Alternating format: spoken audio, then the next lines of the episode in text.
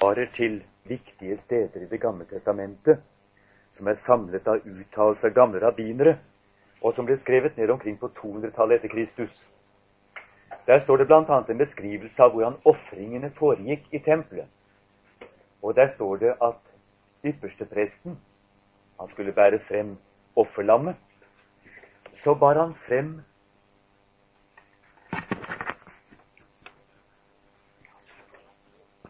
Så bar han frem først hodet, og så lemmene.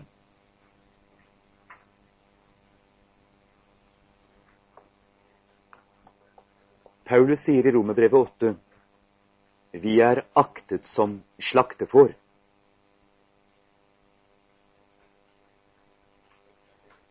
Og Paulus kaller også kirken, menigheten, for Kristi legeme. Kristus er hodet, og vi er lemmene. Og Kristi legeme, så lenge det er i verden, er det under korset. Så lenge Kristi legeme er i verden, så er det et offerlegeme. Og det er ikke bare hodet som bæres frem, men også lemmene. Og det har de kristne til alle tider fått erfare. At de som fulgte lammet hvor det gikk, som fulgte etter sin mester, som ved Den hellige ånd hadde fått det samme sinn, de måtte også inn under den samme offerild. De måtte ta sitt kors opp og følge efter ham. Og dermed er våre tanker i Karachi, hos våre medkristne, langt ute i et hav av fiender, omgitt av uforstand og gammelt historisk hat. av selvforsvar mot evangeliet, ikke minst. For uansett hvor mye positivt vi kan si om våre muslimske medmennesker, nester, så må vi aldri glemme at muhammedanismen, profeten Muhammeds lære, er et enestående, kraftig forsvar mot evangeliet. Mot budskapet om den uforskyldte nåde for Jesu Kristi skyld. Det selvrettferdige hjertes selvforsvar mot den fryktelige, ydmykende sannhet at hvis vi skulle bli frelst, så måtte Kristus dø. Muslimene kjenner en Jesus som er fart opp til himmelen, men de kjenner ikke en Jesus som er død på et kors. Og det er ikke bare de, men det er hele verden. Det er hele den gamle verdens sans og visdom som står offeret imot og kan ikke fatte det. Fordi de mener at de er kommet på, på et høyere stadium. Enten de kaller seg for humanister eller buddhister eller hinduister eller muslimer. Ja, for så vidt også kristne ofte. For dette er en hemmelighet. En hemmelighet som bare den får tak i som er kommet nær Guds eget hjerte. Som er kommet til offerstedet. Ja, for å si det, som er kommet til Moria. Til det fryktelige møtet med sin Gud. I synserkjennelse og under evangeliet.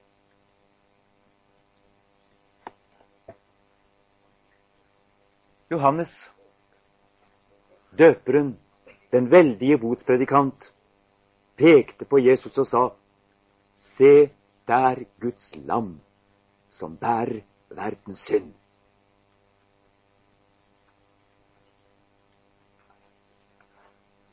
Plutselig så hadde himmelen åpnet seg for Johannes. Plutselig hadde han forstått. Plutselig hadde han fått øyne til å se med, så han kunne se lammet og når skjedde det? Det skjedde da Johannes sto og prekte dom over folk. Dom slik ingen profet før hadde prekt. Så radikalt at det var som øksen som rothugg dem. Han sto ved Jordan. Og alle som var bøyd og forferdet under Johannes' forkynnelse, som hadde måttet se sannheten om seg selv i Guds lys, de kom til ham og gikk inn under omvendelsens dåp. Som et tegn på den totale sønderknuselse. De lot dommens elv, for det er navnet på Jordan, flomme over seg. De var helt under dommen. De måtte gi Gud rett. Og mens Johannes sto der og prekte, så sa han, etter meg kommer han som er sterkere enn jeg. Og jeg døper dere med vann, men han skal døpe dere med ild. Den veldige Messias. Himmelens og jordens forferdelige dommer.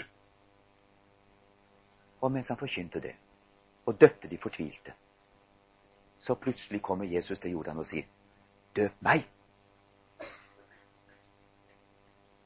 Og Johannes nekter og sier, jeg skulle døpe deg.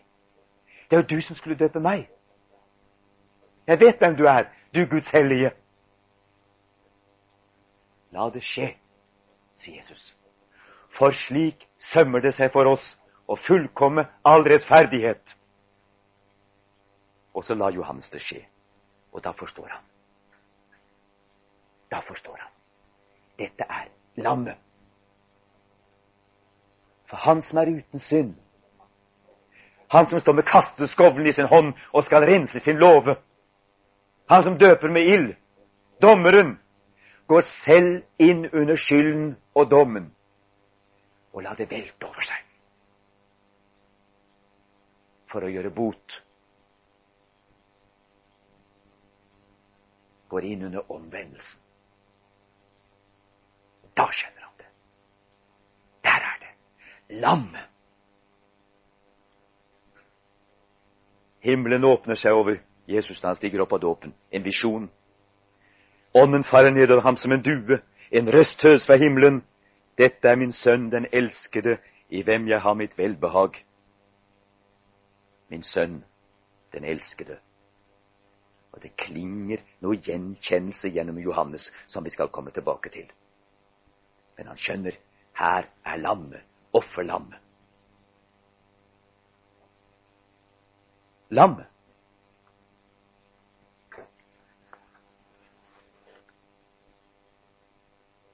Det er nesten ingenting, tror jeg, i skaperverket som på den måten kan overbevise oss om at skaperverket egentlig er et sett av bilder.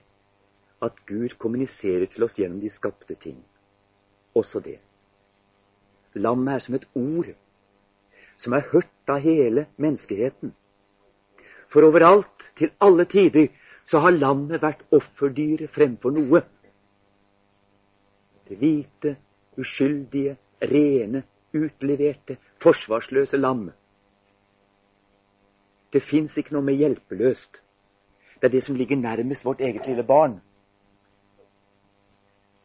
Følelsesmessig kan vi nesten ikke skille når vi ser det hjelpeløse barn, lammet. Det hvite, uskyldige, hjelpeløse lammet. Med åpne, skyldige øyne. Det rene. Det fullkomne og det forsvarsløse. Det er som et symbol på uskyld, den uskyld vi har tapt. Det er et symbol på barnet. Det er barnet. Lammet mitt. Overalt så har dette lammet stått som symbol på renhet, uskyld og fremfor alle andre dyr vært offerdyret. Vi kunne skanne hele kulturhistorien, vil vi se det gjennom tusenvis av år. Og vi skjønner kanskje hvorfor. Her er det rene. Her er det hele. Her er det ufordervede. Her er det buttede, forsvarsløse, ydmyke. Det som ikke setter seg til motverge, men bare lar det skje når du skjærer strupen over på det.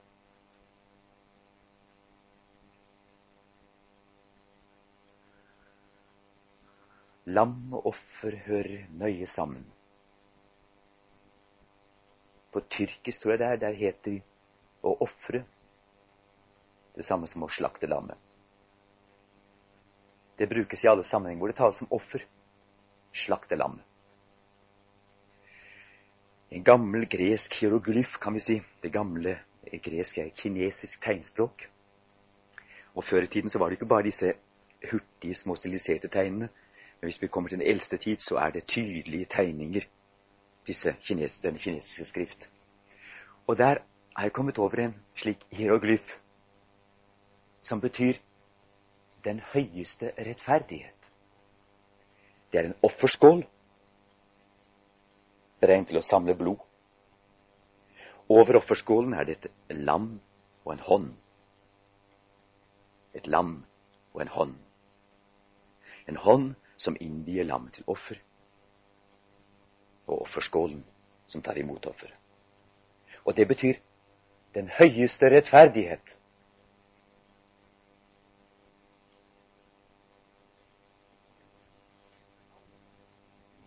I alle gamle religioner vet de at veien fra oss til Gud bare går gjennom soningsblodet. Gjennom det uskyldiges død. Fordi vi er skyldige.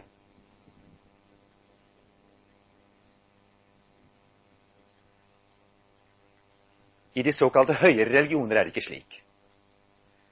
Ikke i muhammedanismen, ikke i fariseismen, ikke i hinduismen i virkeligheten, ikke i buddhismen. Men i kristendommen er det fremdeles slik. Kristendommen hører til disse primitive religioner som enda tror på blodets kraft. Vi har en religion, vi har en tro, som har sine røtter i gamle, det som kalles for primitive forestillinger, ja, i dypet av menneskets eget vesen. Veien til Gud går gjennom en død. Og skal jeg komme til Gud, så må den uskyldige dø. Lammet. Jeg så et bilde av ditt fjøs her for et par år siden, og det slo meg så jeg fikk helt vondt. Det var også Gammelgård. Han hadde slakta en sau. Det var under lamminga. Og der var det et lam som ikke hadde noen mor. Og så var det et lam som var død under lamminga. Og så tok han og flådde skinnet av det lammet som var død.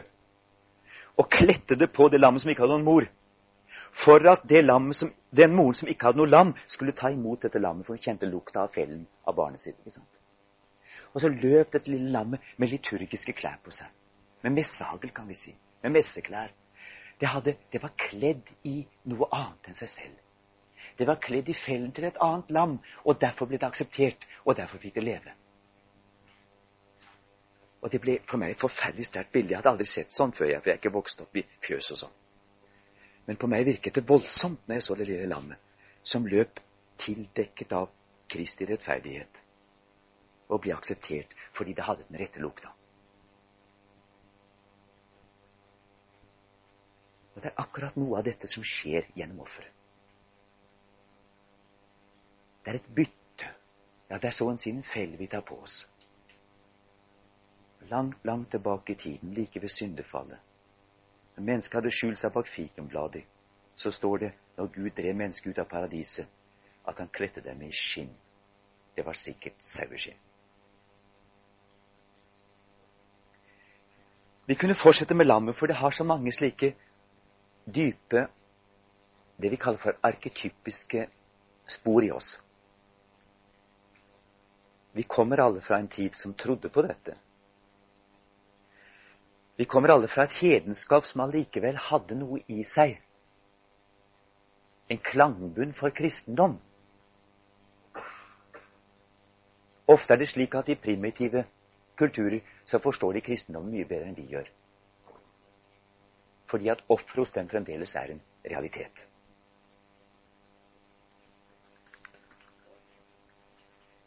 I dag så hadde vi tenkt å tale om lammets vei.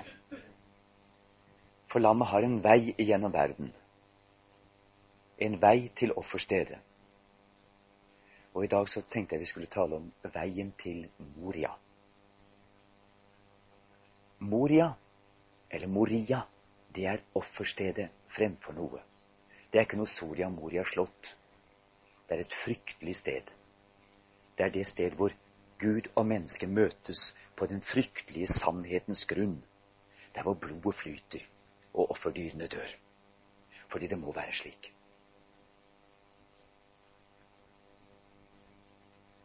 Jerusalems tempel er bygget på Moria berg.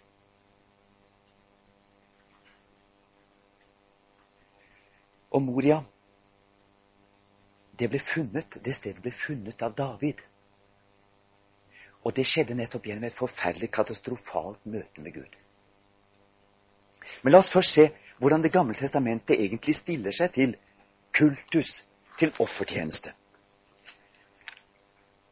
Det er ikke så enkelt som vi tror at det er bare en ytre sak. Altså bare seremonier som må skje, og så, så går det liksom opp. Det er ikke slik. Disse seremoniene, offerhandlingene, de har et, et dyp i mennesket selv. De er uttrykk for noe som skjer mellom Gud og menneske. Hvis vi slår opp i profeten Esaias i det 66. kapittel Her står det noe som kan ligne som en total dom over Jerusalems tempel, og som en total forkastelse av all ytre kultus, av all ytre gudstjeneste, av all offertjeneste.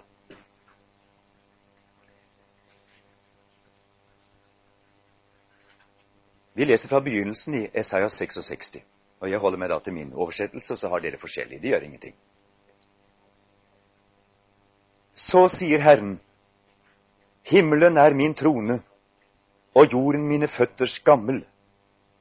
Hva hus kunne I bygge meg, og hvor skulle det finnes et hvilested for meg? Alt dette har jo min hånd gjort, og således ble alt dette til, sier Herren. Men den jeg vil se til, det er den elendige, og den som er, har en søndebrutt ånd og er forferdet over mitt ord. Altså, han sier Hva slags hus skulle dere kunne bygge meg som jeg skulle bo i? Jeg har jo hele himmelen, hele jorden. Jeg lar meg ikke romme i et hus. Jeg lar meg ikke stevne til møte i et hus. Hvis det bare gjelder huset og stedet.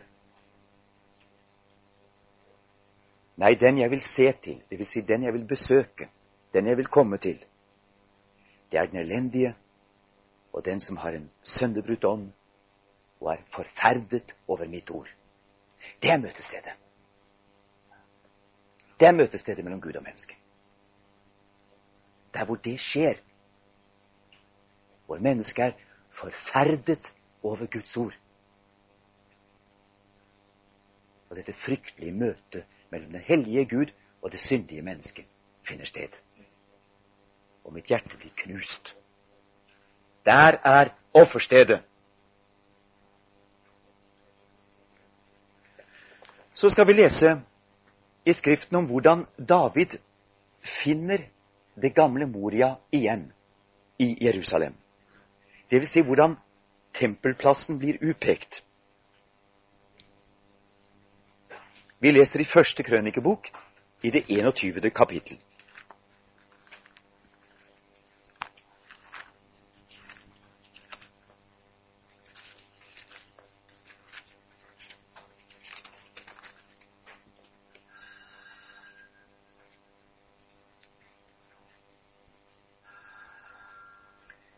Jeg tror vi skal ta og lese det i sammenheng, for det gir et inntrykk av hva et hellig sted egentlig er, hva det tjener til, hvilken kontekst det står i.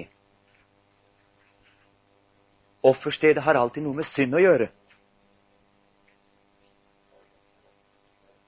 Men Satan sto opp imot Israel og egget David til å telle Israel. Nå kan vi tenke oss tilbake til syndefallsberetningen. Dette er egentlig en syndefallsberetning om igjen, men ført inn i den historiske tid. Da sa David til Joab og folkenes høvesmenn, Gå av sted og tell Israel, fra Beersheba like til Dan, og kom så til meg med melding, så jeg kan få vite tallet på dem. Da sa Joab, Herren legger hundre ganger så mange til sitt folk som de er nå. Er de ikke herre, alle sammen min Herres tjenere? Hvorfor krever min Herre dette? Hvorfor skal det bli skyld på Israel? Altså, Det er ikke noe likegyldig å telle folket.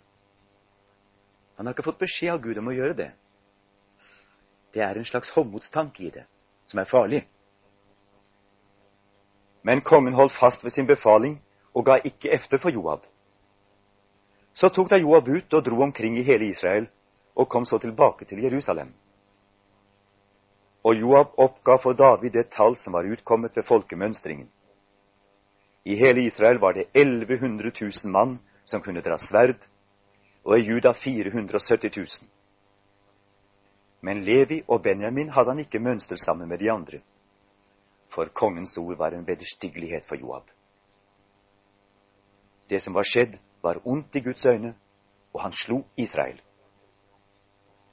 Da sa David til Gud, Jeg har syndet storlig ved å gjøre dette, men tilgi nu din tjeners misgjerning, for jeg har båret meg meget uforstandig ad. Men Herren talte til Gad, Davids seer, og sa, Gå og tal til David og si, så sier Herren, tre ting forelegger jeg deg, velg en av dem, så vil jeg, gjøre, vil jeg gjøre så mot deg. Han skal altså velge sin straff.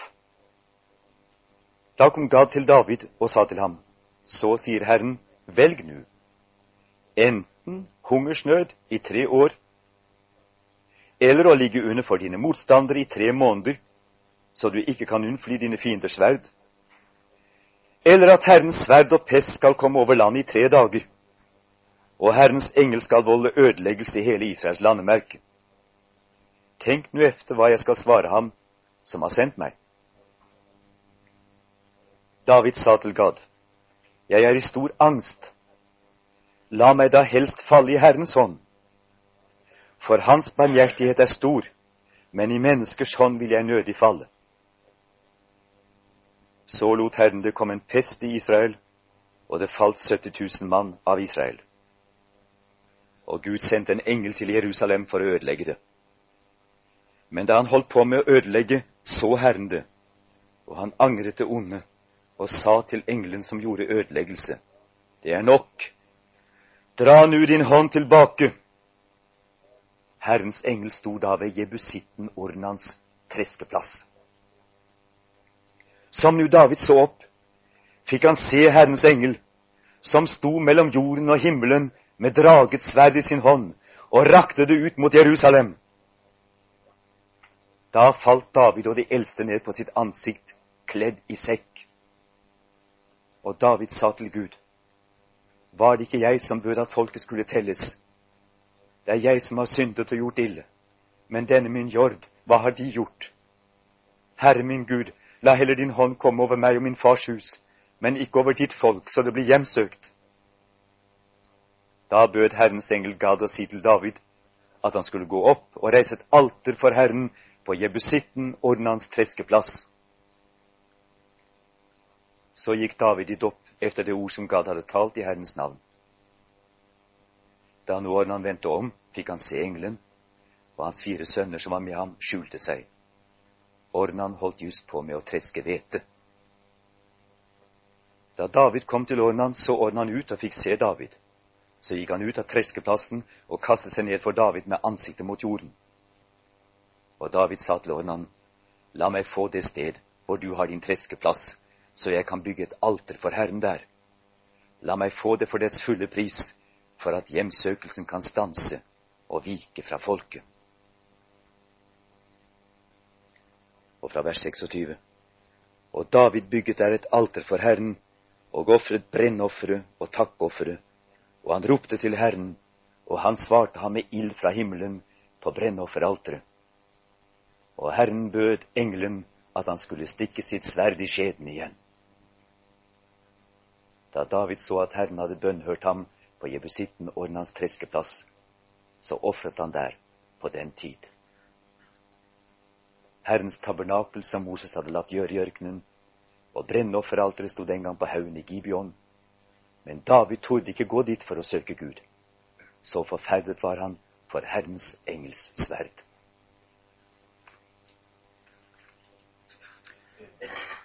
Og denne treskeplassen.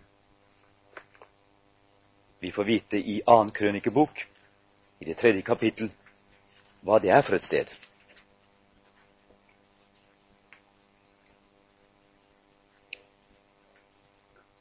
Så begynte Salomo å bygge Herrens hus i Jerusalem på Moriafjellet, der hvor Herren hadde åpenbaret seg for hans far David, på den plass hvor David hadde samlet forråd, på jebusitten Ornans treskeplass.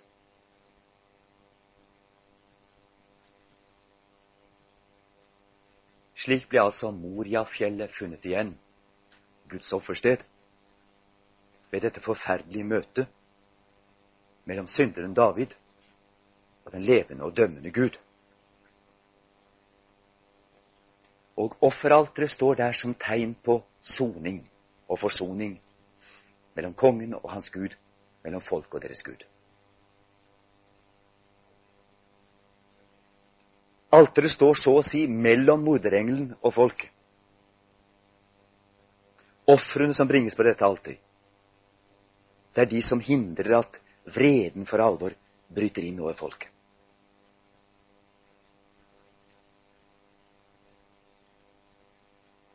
At det er fred mellom Gud og mennesker. Takkoffer står det. Det står vel i originalen egentlig fredsoffer. Offer som feirer at det er fred mellom Gud og mennesker. Det er veldig viktig. Her i denne historien så får vi på en måte alterets og offerets funksjon inn. Og vi får også klart for oss hvilket sted det er. Det er ikke bare et sted geografisk, men et sted i menneskets eget hjerte. Mennesket som frykter for den hellige Gud. Og gir uttrykk for det gjennom sine offer. Og offeret som igjen er gitt av Gud ved en befaling. Fordi at offeret fra Guds side uttrykker at Gud er en forsonet Gud. I dette møtet. Så lenge ikke dette bare blir en tom handling. Da er denne handlingen død.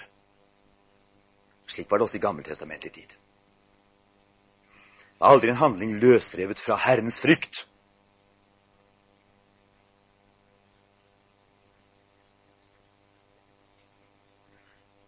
Så kan vi si dette Moria-stedet. Hva var det med det? Hvorfor hadde Gud spesielt utvalgt seg det? Hvorfor var det Gud satte David i stevne akkurat på det stedet. På det som før bare var kjent som en treskeplass. Hva var det som hadde skjedd der? Hva var det som hadde blinket ut det stedet? Hva er det for en grusom hemmelighet dette stedet skjuler? For et hellig sted blir aldri til av seg selv. Det vet vi av hele religionshistorien. Det er der på forhånd. Vi mennesker finner det bare. Plutselig skjønner vi dette er et hellig sted. Akkurat som Jakob da han la seg til hvile mot en stein i Betel. Så drømmer han at han ser en stige reise til himmelen. Så knytter himmelen og jorden sammen. Og når han våkner, så sier han dette er et fryktelig sted. Et forferdelig sted. Dette er intet annet enn en Guds hus og himmelens port. Og så bygger han et alter der. Slik har det alltid vært. Det hellige sted er det noe med de forteller til og med at våre kristne forfedre, når de skulle finne et kirkested, så gikk de med ønskekvist og følte seg frem til stedet hvor alteret skulle være. Og et eller annet sted så begynte kvisten å snu seg ned, og håret reiste seg i nakken, og man skjønte at her var et spesielt sted. Og der ble alteret bygget. Og vi kan si det var overtro. Men det er bare fordi at enda var natur og menneske og deres tro så nært knyttet sammen at det var ikke bare overtro. Det var et uttrykk for at det finnes steder som er ladet med kraft. Og som blir symbolet på Guds nærvær. Slike steder finnes. Om vi går det stedet forbi, så kan det være at enda en same i vår tid vil stoppe opp og si her dette er et sted. Makom, stedet. Men hva var det med dette stedet, Moria? Det hadde skjedd noe der. Og Vi kan nå gå til Første Mosebok, det 22. kapittel.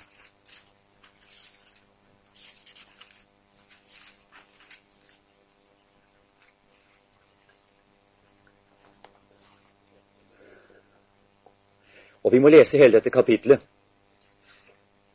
Og vi må ta hele forferdelsen i dette kapitlet innover oss. Alt i oss som protesterer, skal få lov til å protestere.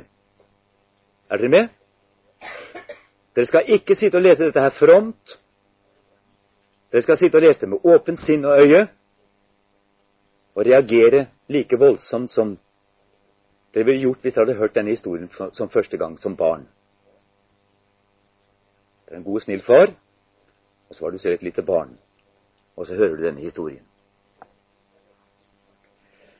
Noen tid derefter satte Gud Abraham på prøve, og han sa til ham, Abraham, og han svarte, Ja, her er jeg. Da sa han, Ta din sønn, din eneste, ham som du har så kjær. Dette er min sønn, den elskede. Isak, og gå til Moria land og ofre ham der til brennoffer på et av fjellene som jeg skal si deg. Så sto Abraham tidlig opp om morgenen og leste på sitt asen og tok to av sine drenger med seg og Isak sin sønn. Han kløvde ved til brennofferet og ga seg på veien til det sted Gud hadde sagt ham. På den tredje dag, da Abraham løftet sine øyne fikk han øye på stedet langt borte. Da sa Abraham til sine drenger, Bli i her med asene. Jeg og gutten, vi vil gå dit bort og be, og så komme tilbake til eder. Så tok Abraham veden til brennofferet og la den på Isak sin sønn. Og selv tok han ilden og kniven i sin hånd, og så gikk de begge sammen. Da talte Isak til Abraham sin far og sa, Du far? Han svarte, Ja, min sønn. Han sa, Se, her er ilden og veden, men hvor er lammet til brennofferet? Abraham svarte, Gud skal selv utse seg lammet til brennofferet, min sønn. Så gikk de begge sammen. Og da de kom til det sted Gud hadde sagt ham, bygget Abraham et alter der og la veden til rette. Så bandt han Isak sin sønn og la ham på alteret ovenpå veden. Og Abraham rakte ut hånden og tok kniven for å ofre sin sønn. Der er hånden over offeret. Da ropte Herrens engel til ham fra himmelen og sa, Abraham, Abraham! Han svarte, Ja, her er jeg. Da sa han, Legg ikke hånd på gutten, og gjør ham ikke noe. For nu vet jeg at du frykter Gud, siden du ikke har spart din eneste sønn for min skyld. Da nå Abraham så opp, fikk han se en vær bakenfor seg, som hang fast i buskene med sine horn. Og Abraham gikk bort og tok væren, og ofret den til brennoffer istedenfor sin sønn. Og Abraham kalte dette sted Herren ser. Derfor sier folk den dag i dag, på Herrens berg skal han la seg se. Og Herrens engel ropte ennå en gang til Abraham fra himmelen og sa, Ved meg selv sverger jeg, sier Herren, fordi du gjorde dette, og ikke sparte din eneste sønn, så vil jeg stolig velsigne deg og gjøre din ett såre tallrik som stjernene på himmelen og som sanden på havets bredd, og din ett skal ta sine fienders porter i eie, og i din ett skal alle jordens folk velsignes, fordi du lød mitt ord.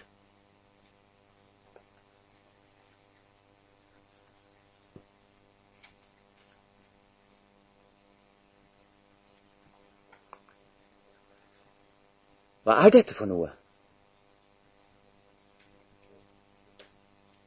Hva er det for et mørke Gud fører Abraham inn i? Hva er hensikten med denne vandringen dag for dag mot offerstedet? I den forferdelige vissheten om at jeg må ofre min sønn. Hva er det Gud vil med Abraham? Satt han på prøve? Mente han det? Var det bare spill, eller var det innvielse? Det var innvielse. Et sted i Skriften kalles Abraham for Guds venn. Han er det mennesket som står Gud nær.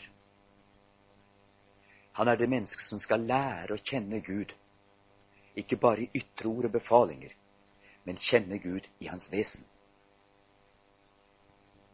Abrahams vei til Moria. Det er Faderens vei til offerstedet med sin sønn. Sier det dere noe?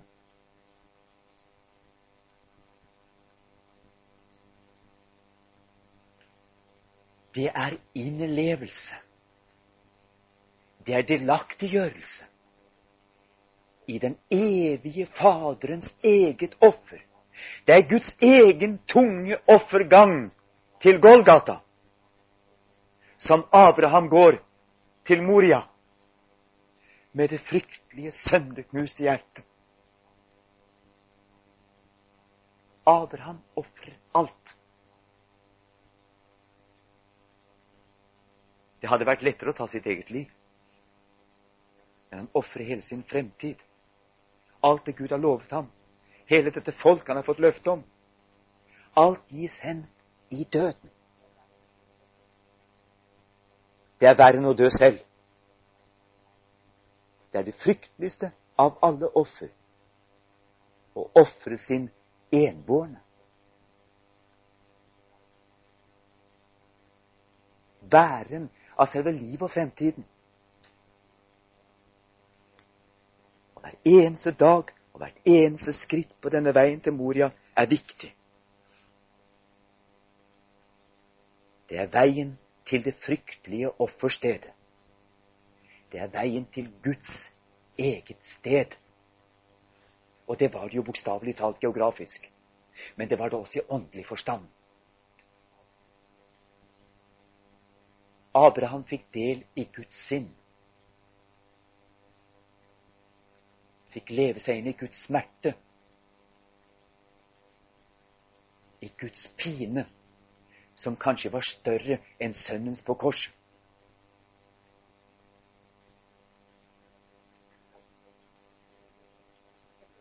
Derfor står denne historien der.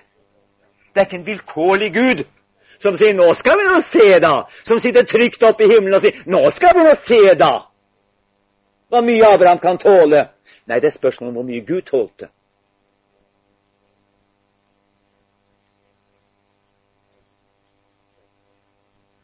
Det er veien inn i offerets helligdom som Abraham går. Og han innvies. Han innvies. Og han sier profetiske ord. Han sier, 'Gud skal selv utse seg lammet til offer, min sønn.' Og han tenker på Isak selvfølgelig. Men det er profetiske ord, for Gud skal en gang selv utse seg lammet over. Og der står væren i buskene, viklet inn med hornene sine.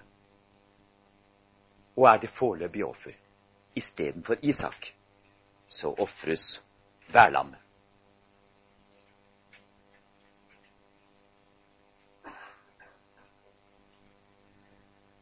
Alle offer på Moria berg er istedenfor Isak istedenfor den førstefødte, istedenfor hele folket. I påvente om at han som er både Abrahams sønn og Guds sønn, skal komme og ofres.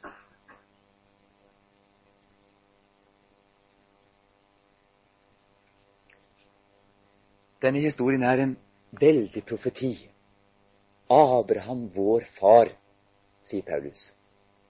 Troens fader. som avbilder Gud, vår Far,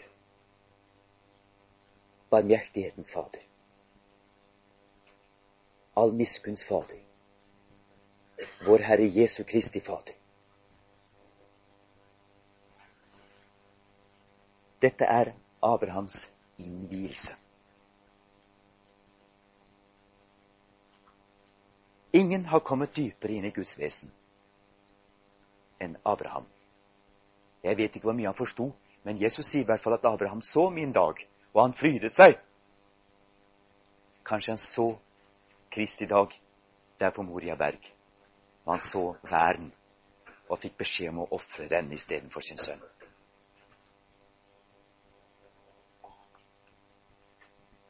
Og allikevel, Jesus var jo også Abrahams sønn.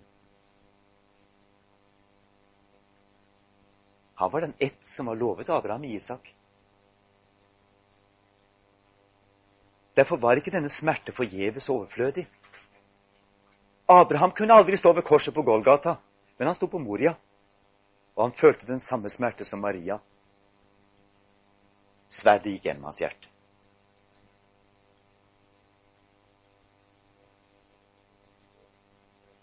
Slik ble dette offersted på Moria berg innstiftet som en stadig ihukommelse, som det heter på gammelt språk, om det som skjedde der en gang, og det som ikke er fortid, men som er fremtid, helt til Han kommer, Han som er Guds lam som bærer verdens synd.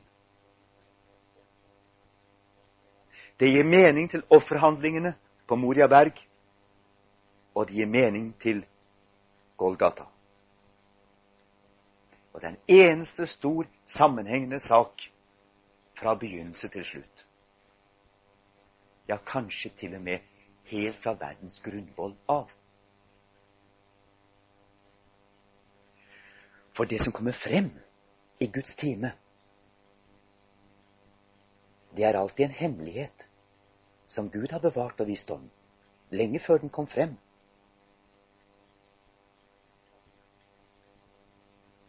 Kristus taler om den herlighet han hadde hos Faderen før verden ble skapt.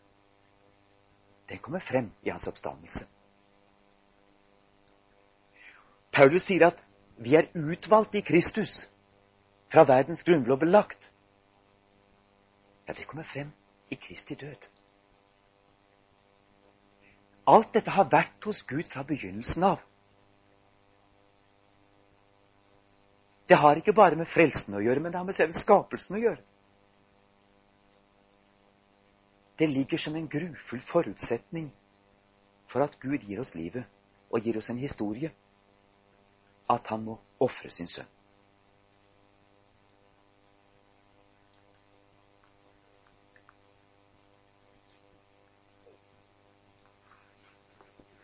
Jødene sier at tempelet på Moria berg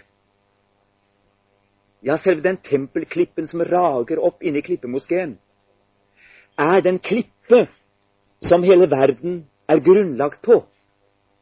Det er selve grunnstenen til hele kosmos. Offerstedet nå ned i jordens og skapningens røtter. Offerblodet som tømmes på alteret, forsvinner ned i hulene. Går dypt, dypt ned til skapningens fundament. Og holder det oppe og bærer det. Det er fordi Gud var villig til å ofre at verden kunne bestå under syndens vekt.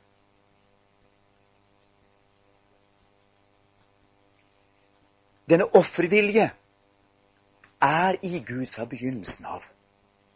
Den åpenbares på Moria, og den åpenbares på Golgata.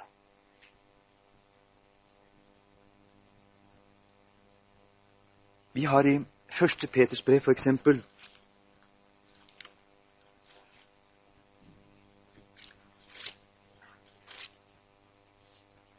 Stedene er ikke mange, men jeg syns de er vektige hvis vi begynner å se dem i denne sammenhengen vi nå har satt alt dette inn i.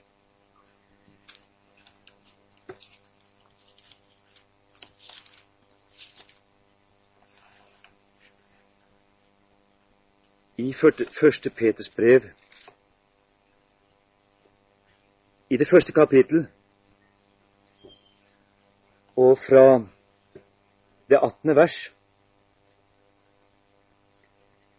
Dere vet at dere ikke med forgjengelige ting, sølv eller gull, ble løskjøpt fra eders dårlige ferd, som var arvet fra fedrene, men med Kristi dyre blod, som blodet av et ulastelig og lyteløst lam, han som forut var kjent før verdens grunnvoll ble lagt, men ble åpenbaret ved tidenes ende for eders skyld. Og der skal dere sløyfe Han, som står i, som vers 20 begynner. Det står ikke noe Han der. Det kan like godt peke tilbake på lammet. Derfor er det i hvert fall tvetydig. Men med Kristi dyre blod som blod av et ulastelig og lyteløst lam, som forut var kjent før verdens grunnvoll ble lagt, men ble åpenbart ved tidenes ende for eders skyld. Så har vi åpenbaringsboken i det 13. kapittel. Og i vers 8 Et kapittel som vel er veldig aktuelt i vår tid, fordi at de forførende antikristelige krefter virkelig begynner å gjøre seg gjeldende. Og der står det om det fryktelige dyret. Vi leser fra vers 7 i Johans åpenbaring 13. Og det ble gitt det, altså ble gitt dyret, å føre krig mot de hellige og seire over dem. Og det ble gitt det makt over hver stamme og folk og tunge og ett. Og alle som bor på jorden, skal tilbe det. Hver den som ikke fra verdens grunnvoll ble lagt, har fått sitt navn skrevet i livsens bok hos lammet som er slaktet. Her har oversetterne hatt et lite arbeide, for det står ikke egentlig så på den måten, men det står og alle som bor på jorden, skal tilbe dyret. Hver den som ikke har fått sitt navn skrevet i livsens bok hos lammet som er slaktet fra verdens grunnvoll ble lagt. Slik står det. Selvfølgelig, så lenge man ikke kan tenke seg at lammet på en måte foreligger slaktet fra verdens grunnvoll blir lagt, så gjør man det på den måten her. For å tydeliggjøre tingene, slik man mener det er den eneste mulige tolkning. Men jeg tror vi må la det bli slik. La det stå åpent, i hvert fall. Det står Vær den som ikke har fått sitt navn skrevet i livsens bok hos lammet som er slaktet fra verdens grunnvoll ble lagt.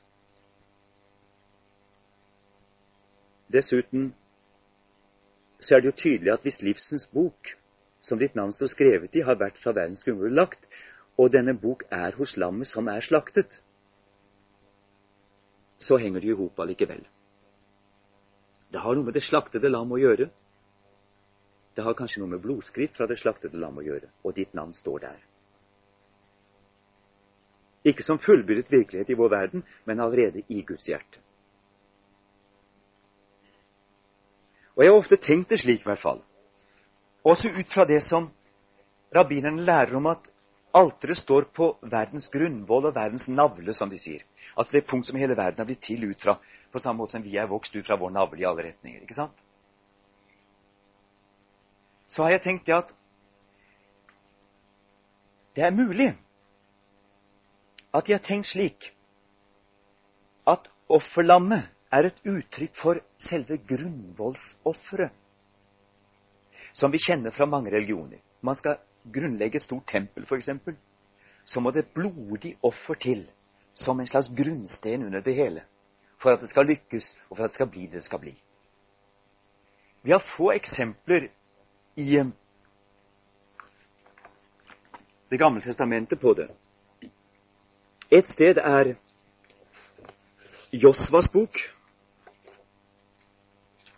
hvis vi kan finne din fart jeg.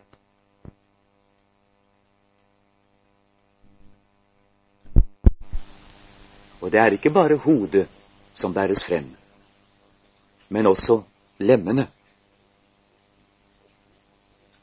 Og det har de kristne til alle tider fått erfare. Ruiner, like grundig som det gamle Jerusalems innlagte ruiner, så står det i vers 26 i det sjette kapittel. Den gang lot Josfa folket sverge denne ed. Forbannet for Herrens åsyn være den mann som tar seg fore å bygge opp igjen denne by Jeriko. Når han legger dens grunnvoll, skal det koste ham hans førstefødte sønn.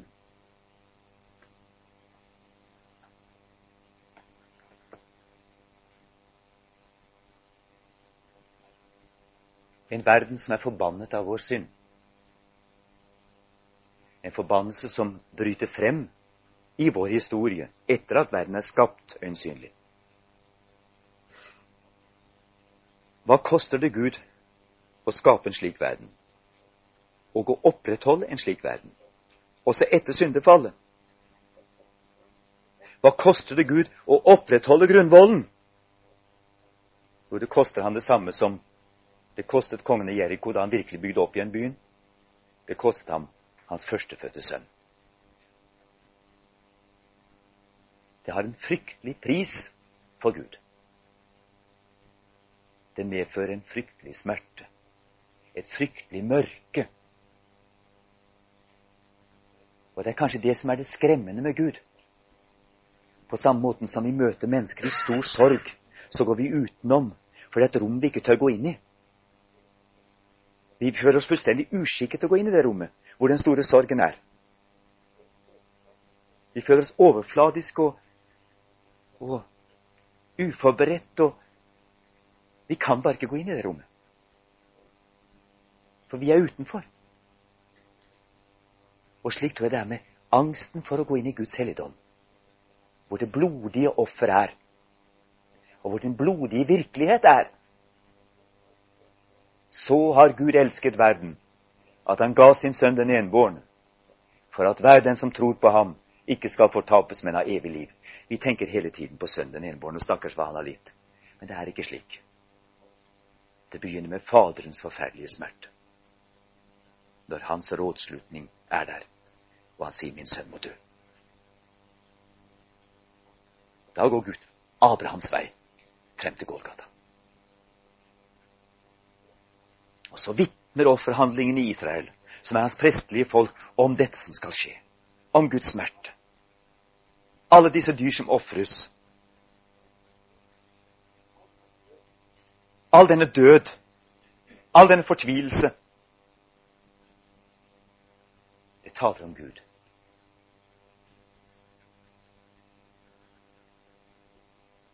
Som Gud sier i 3 Mosebok 1711 om blodet.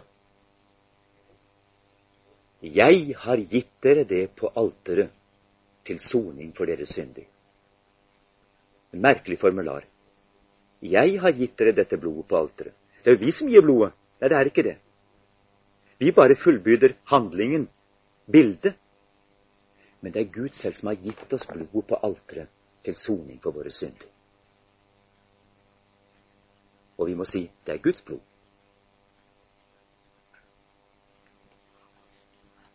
Gud skal selv utse seg lammet til brennofferet, min sønn. Guds lam betyr det lam som Gud selv har utsett seg.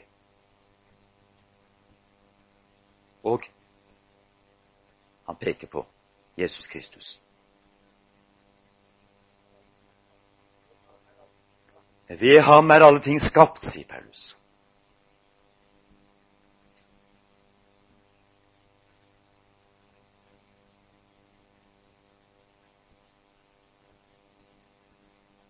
Jeg vil ikke vite noe annet iblant dere enn Kristus og Han korsfestet. Kanskje det er der sentrum av hele verden er i virkeligheten. Det er det som holder hele verden sammen. At han henger der som et lydig lam på sitt kors og holder verdens hjørne med sitt hode og sine føtter og sine armer. Han holder alt sammen, og hans egen navle er hele verdens navle. Denne kjærlighet er det som bærer alle ting. Guds offerkjærlighet og Sønnens lydighet. Dette mysterium som bærer alle skapte ting. Kristus den korsfestede. Lammet. Grunnvollsofferet. Sonofferet. Oppgjøret med all vår synd. Det som gjør at ikke alt bryter sammen, men blir bevart av Guds nåde. Og når vi kommer inn i den helligdommen Ja, vi er båret av dette allerede nå, her hvor vi er. Det bærer vår virkelighet, selv om vi ikke vet om det engang. Men når vi kommer inn i denne helligdom, da kommer vi inn i det sønderknusende møtet. Det fryktelige møtet med min synd. Sannheten om meg i møte med Lammet. Og da vet jeg ikke noe annet til frelse enn Jesus Kristus og ham korsfestet. Og da skjer det noe med meg. Da får jeg del i Guds sinn. Da er jeg på Abrahams vei. Da er jeg på offerstedet. Da dør jeg for å stå opp til nytt liv.